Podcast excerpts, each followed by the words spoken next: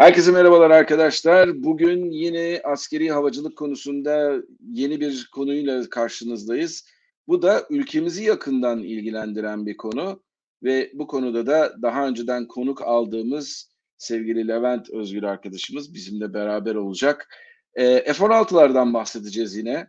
Artık kendisi F-16'larla özleşmiş bir e, arkadaşımız kendisi ama bu konuda da gerçekten de değerli bilgilere sahip ve sizleri ve bizleri ve hatta beni bu konuda aydınlatacak. Çünkü e, e, bilmemiz gereken çok şey var. Şimdi Türkiye Cumhuriyeti Amerika'ya bir başvuruda bulundu.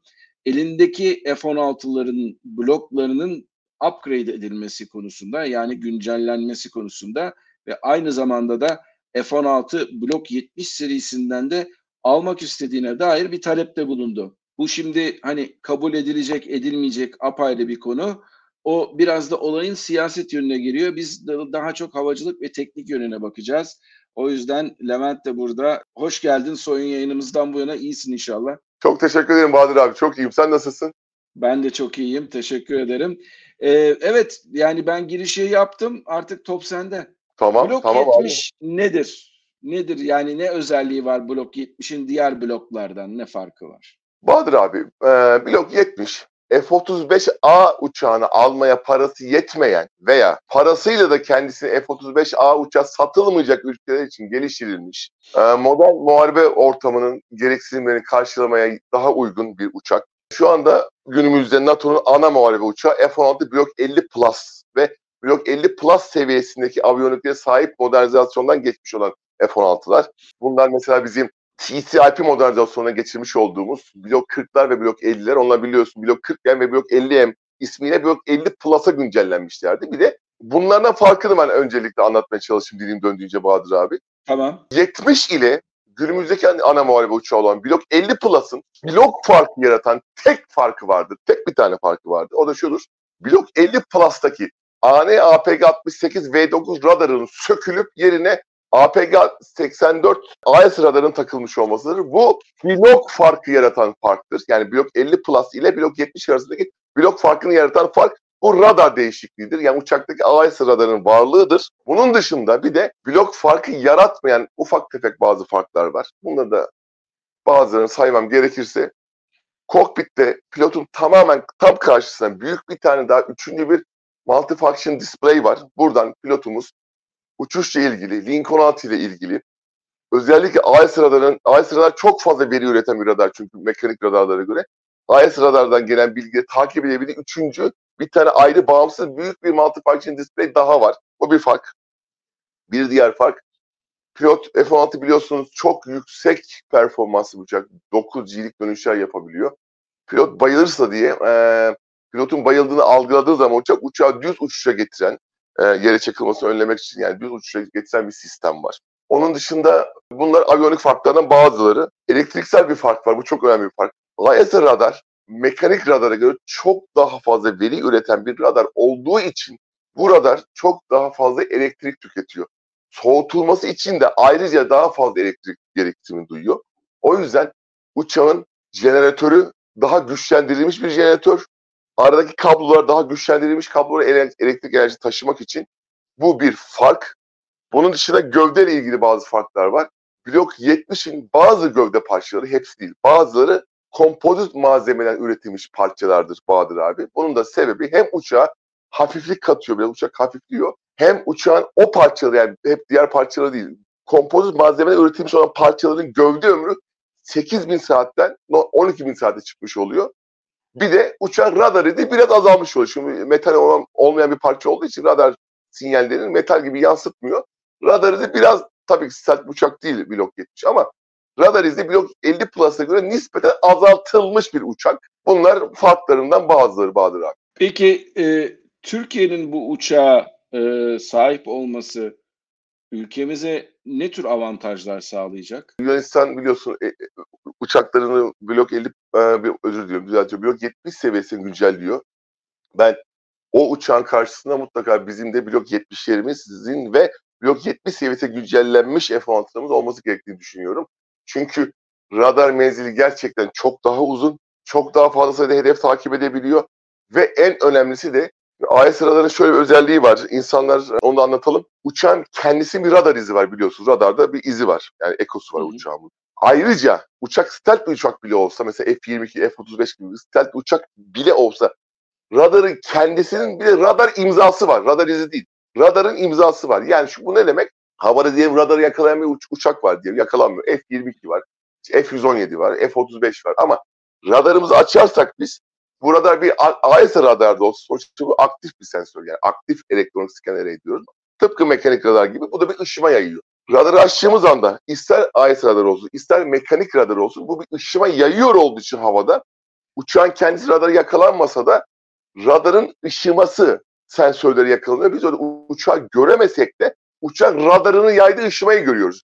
Böylece orada bir uçak olduğunu anlıyoruz. AES radarının özelliklerinden birisi de çok kısa sürede monopulse mantığıyla çalışan bir radar oldu. Çok, çok saliseler için devre girip çıktığı için daha az ışıma yayıyor. Uçağın yerini daha az belli ediyor. Bir de böyle bir özelliği var. Yani uçağımızın stealth karakteristiğine yardımcı olan bir radar. Yani uçağın kendisi stealth değil ama aynı zamanda bu tür e, uçağın yakalanmasını, hedef haline gelmesini önleyecek bir takım karşı önlemleri var. Bayağı gelişmiş bir şeyden bahsediyoruz. Kesinlikle, ee, kesinlikle. Peki Türkiye kaç tane almayı planlıyor? Kaç tane, kaç uçak için talepte bulunduk? Bahadır abi yanlış hatırlamıyorsam 40 tane sıfır orijinal fabrika çıkıcı blok 70 için biz başvuruda bulunduk. Ayrıca ya 80 tane ya da 79 tane modernizasyon kiti istedik. Elimizdeki blok 50 emleri zannediyorum ve 50 plusları blok 70 seviyesi çıkartmak için Bahadır abi. Peki bu blok 70 ile 50'ler arasında motor açısından herhangi bir fark var mı? Font blok 50, ya bizim kullanıyor olduğumuz blok 50 M'ler ve 50 Plus'lar E-Fusion GE 129 motorunu kullanıyor her ikisi de. Aynı motor. Dolayısıyla bakım maliyeti açısından çok daha büyük bir şey getirmeyecek yok, bize. Yok, yok. Bildiğimiz ettiğimiz uçak motoru değil mi? Evet. Daha çok aviyonik bir modernizasyon, blok 70 modernizasyonu. Modernizasyon kitlerini alıp zaten TUSAŞ bunu çok yani yetkin bir kuruluşumuz. Burada yapılacağını tahmin ediyorum. Ee, çok hızlı şekilde yapılıp filolara uçakların teslim edileceğini düşünüyorum. Bir de benim takip ettiğim kadarıyla hani F-16'larda da biz bir takım güncellemelerimizi yapıyoruz. Örneğin yanıl, yan, yanılıyorsam düzelt Özgür projesi var bizde. Yazılımlarını değiştiriyoruz, ediyoruz. Bizim bunları kendimizin yapması mümkün mü yoksa bunlar Amerikan imalatı uçaklar oldukları için Amerika'dan özel izin mi gerekiyor? O yüzden mi yapamıyoruz? Bahadır abi bu çok karıştırılan bir şey. Bunu sormuş olduğu için çok teşekkür ediyorum sana. Yani bunu ben e, çok büyük kitlere ulaşarak aslında anlatmak istiyorum. Bu da bir e, vesile oldu. Teşekkür ediyorum sana tekrar beni davet etmiş oldun. Şimdi Bahadır abi bizim elimizdeki blok önce şunu söyleyeyim. Elimizdeki F-16'ları ben anlatayım sana. E, bizim elimizde önce eskiden blok 30, 40 ve 50 uçakları vardı. Sonra biz elimizdeki blok 40'ları ve blok 50'leri CCIP modernizasyonu soktuk. Blok 50 plus seviyesine çıkarttık. Yani bizim elimizde şu anda blok 40 ve 50 yok. Onlar 50 Plus seviyesine çıktılar. Bir de ayrıca Blok 50 Plus 0 orijinal satın aldık. 30 tane civarıydı ama hatırlamıyorum. Blok 40'lardan çıkan bilgisayarları Blok 30'lara taktık. Onlar da Blok 30 TM ismini aldılar. Çok büyük aviyonik fark var. Blok 30 ile 40'ların savaş yani mission kompütürleri arasında. Blok 30'lar bombardıman yeteneği olsa da aslında bir avcı uçağıdır ama Blok 40 Lantin potları ile beraber tanıtılmış. Çok görevi artık geceleri hassas saldırı yapabilen, geceleri dışarıyı gündüz gibi görebilen, hareketli hedefleri takip, e, tespit edebilen, sabit hedefleri çok hassas saldırı yapabilen uçaklar. Blok 30'larımız bu hale geldi. Blok 40'ları bilgisayarı blok 30'a taktığımız için.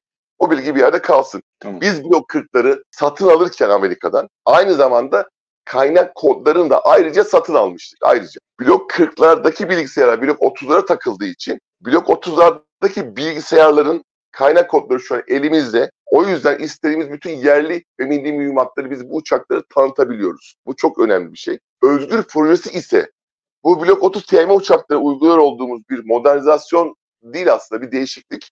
Uçağın savaş bilgisayarı tamamen çıkartıyoruz, rafa koyuyoruz. Yerli ve milli tamamen donanımı ve yazılımı tamamen yerli ve milli olan yeni bir savaş bilgisayarı uçağı tanıtmak, takmak, entegre etmek. Bu özgür modernizasyon tamamen budur. Yerli ve milli savaş bilgisayarı uçağa takmak, üretmek, e, yani tasarlayıp üretip uçağa entegre etmektir. Özgür modernizasyonu sadece blok 30 TM uçaklara uygulayacağız. Yani bunun blok evet. 70 bilgisi yok. Peki biz bu modernizasyonu uygularken herhangi yerli ve milli yazılımlar oldukları için herhangi bir tepkiyle de karşılaşmıyoruz. Biliyorsun şu aralar çok da iyi olduğu söylenemez Amerika ile ilişkilerimizin. Yani Amerika ile ilişkimiz kötü ama biz zamanında o uçak haklarını da satın almış olduğumuz için o modernizasyon ve modifikasyon yetkisi bize var şu anda. O yüzden yapabiliyoruz. Yani. Türkiye çok hassas davranıyor bu konuda. Yetkiliye tebrik ediyorum. Müdahale yetkisi olan uçaklarımıza müdahale ediyoruz, yapıyoruz zaten. Peki Blok 70'in teknik avantajları dışında bir takım özellikle başımıza bela olan şu terör olayları işte özellikle yurt dışına yapacağımız sınır ötesi harekatlarda zaman zaman spekülasyonlar yapıldı. Bizde tanker uçakları var. Onları kullanarak F-16'ları bir şekilde Libya'ya götürüp orada bize e, bir şey açabilir miyiz? Bunları Azerbaycan Ermenistan savaşında biz kullanabilir miyiz türünden bir takım beyin fırtınaları yapıldı. Biz bu blok 70 uçaklarını aldığımız takdirde böyle kısıtlamalar hani şurada uçuramazsın, burada kullanamazsın türünden bir takım kısıtlamalar gelecek mi? Yoksa bunlar aynı zamanda teknik olarak da çok mümkün olmayan şeyler mi? Böyle bir kısıtlamayı kabul ederek uçakları alacağını ben kesinlikle düşünmüyorum. Biz böyle bir şey yapmayız. Amerika böyle bir şey önerse bile bize bize o zaman uçakları almayız zaten. Yani atıyorum kafada şu an yalan söylüyorum. Şu ülkeye karşı kullanamazsınız. İşte Ege Denizi'nde Yunanistan'a karşı kullanamazsınız. İşte Suriye'ye giremezsiniz. Azerbaycan'a sokamazsınız. Diyorsa Amerika ben Türkiye Cumhuriyeti Devleti'nin bunu asla kabul etmeyeceğini düşünüyorum öyle bir e, teklifin resmi olarak iletildiğinde zaten hiç duymadım. Yani bilmiyorum iletildiğimi ama bildiğim kadarıyla öyle resmi olarak yani biz uçak desteği veriyoruz ama şu şartla veriyoruz denmedi zaten. Ama bizim kabul edeceğimizi zannetmiyorum Bahadır abi. Evet yani devletimiz sonuçta bir muz cumhuriyeti değil. Yani köklü evet. bir devletiz sonuçta. Ama benim evet. merak ettiğim şey bunun teknik olarak aslında mümkün olup olmadığı. Yani bir abi? Yani F-16, uzaktan müdahale Yani şöyle şu şekilde mesela F-16'larımızı biz götürüp Libya'da işte kullanabilir miyiz? Bunu kullanmamız için yeterince altyapımız var mı? İnsan gücümüz var mı? Veya ne bileyim e, Azerbaycan'da kullanabilir miyiz? Veya işte ne bileyim Suriye'de kendimize bir üs açıp oradaki bir hava alanından kullanmamız. Yani sonuçta bizim hava üslerimizin dışında remote olarak böyle başka bir ülkede operasyon yapmamız ve sadece bizim olanaklarımızla bir operasyon yapmamız mümkün mü diye sormak istiyorum. Yani şunu gelmek istiyorum. Zaman zaman biz tabii başka ülkelere gidiyoruz. İşte Boston Savaşı'nda İtalya'da Aviano Base olarak uçan uçaklarımız oldu. Zaman zaman Avrupa'nın değişik yerlerinde NATO uçuşları yapıyoruz ama bunların hepsi zaten NATO üssü olan, zaten F-16'ları uçuran hava üsleri olduğu için bizim bir sıkıntımız olmuyor. Ama bizim mesela ileride stratejik olarak istediğimiz Libya güzel bir örnek mesela. Orada hiçbir altyapı yok bir F-16'yı işletebilecek veya NATO e, üyesi savaş uçaklarını işletebilecek. Bunları e, oralara götürüp işletmek bloklar arasında farklı bir şekilde mi gerçekleşebilir? Ben bunu öğrenmek istiyorum. Umarım yeterince açıklayabilmişimdir sana sorumu. Abi çok güzel bir soru bu. Türk Hava Kuvvetleri'nin sahip olduğu e, intikal yeteneği başta olmak üzere nakliye filolarımız, nakliye uçaklarımız ve e, sürekli sürekli olarak filolarımızı yedek meydanda intikal edip orada harp hazırlık eğitimi yapıyor olmasından dolayı Türk Hava Kuvvetleri günümüzde istediği tipte F-16 ile dünyanın istediği bir yerine gidip orada F-16'yı işletebilecek, opera edebilecek kabiliyete sahip bir hava kuvvetleri. Ben gurur duyuyorum bununla. Oraya bakımcılarımız gider, gerekli ekipmanları, diagnostik test cihazı önceden götürürler. Arkadan da uçaklarımız, tanker uçaklarla beraber gelirler ve orada istediğimiz kadar F-16'larımızı Libya'da mesela işletebiliriz. Çok basit bir şey bu Türk Hava Kuvvetleri için. Bu kabiliyet nicelik ve nitelik olarak fazlasıyla bize çok şükür mevcut. Bugün Levent Özgül'le Blok 70'i konuştuk. F-16 Blok 70 nedir, ne özelliği var vesaire.